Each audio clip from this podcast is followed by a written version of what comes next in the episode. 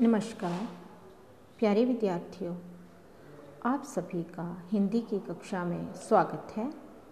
आज हम आठवीं कक्षा का पाठ दो पिंजरे का शेर का अध्ययन करेंगे। पिंजरे का शेर नामक पाठ में किशोर चंद्रगुप्त मौर्य की बुद्धि एवं कौशल का वर्णन किया गया है। प्राचीन समय में भारत अनेक राज्यों में बटा हुआ था। इसमें मगध राज्य सबसे शक्तिशाली माना जाता था। महापदम नंद मगध का राजा था। एक दिन राजा की राजसभा हुई। वहाँ किसी धातु से बना शेर पिंजरे में बंद करके रखा था, जिसे सभी लोग देख रहे थे। ये पिंजरा रोम के राजदूत ने राजा को अपने सम्राट की तरफ़ से भेंट किया।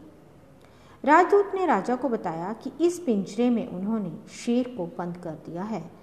किंतु इस पिंजरे को बिना खोले और बिना काटे ही शेर को बाहर निकालना है। जो खेल आप ही कर सकते हैं, तभी सम्राट के संगीत से। महामंत्री ने सभा में बैठे सभी लोगों को बिना पिंजरा खोले और तोड़े शेर को बाहर निकालने के लिए कहा। सभा में उपस्थित सभी लोग पिंजरे की तरफ़ देखते रहे। किसी ने भी उसमें से बिना खोले शेर को बाहर निकालने की हिम्मत जो थी, वो नहीं दिखाई। अचानक वहाँ एक पंद्रह सोलह वर्ष का किशोर आया और उसने सम्राट से कहा कि मैं उसे बाहर निकाल सकता हूँ, मुझे आज्ञा दीजिए। लेकिन असफल होने पर मृत्यु का कठोर दंड भी उसे अपनी मंजिल से विचलित नहीं कर सका। किशोर ने पिंजरे को पानी में डालने के लिए कहा और बाद में निकलवा लिया। उसने पिंजरे में बंदी शेर को ध्यानपूर्वक देखा, उसके चारों तरफ़ आग लगा दी। इससे सभा में सन्नाटा छा गया।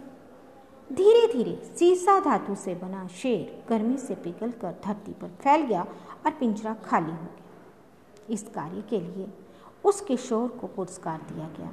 और यही किशोर बड़ा होकर चंद्रगुप्त मौर्य के नाम से प्रसिद्ध हुआ, जिसने उत्तर भारत के सभी छोटे छोटे राज्यों को एक सूत्र में बांधकर सदृढ़ साम्राज्य की नींव रखी।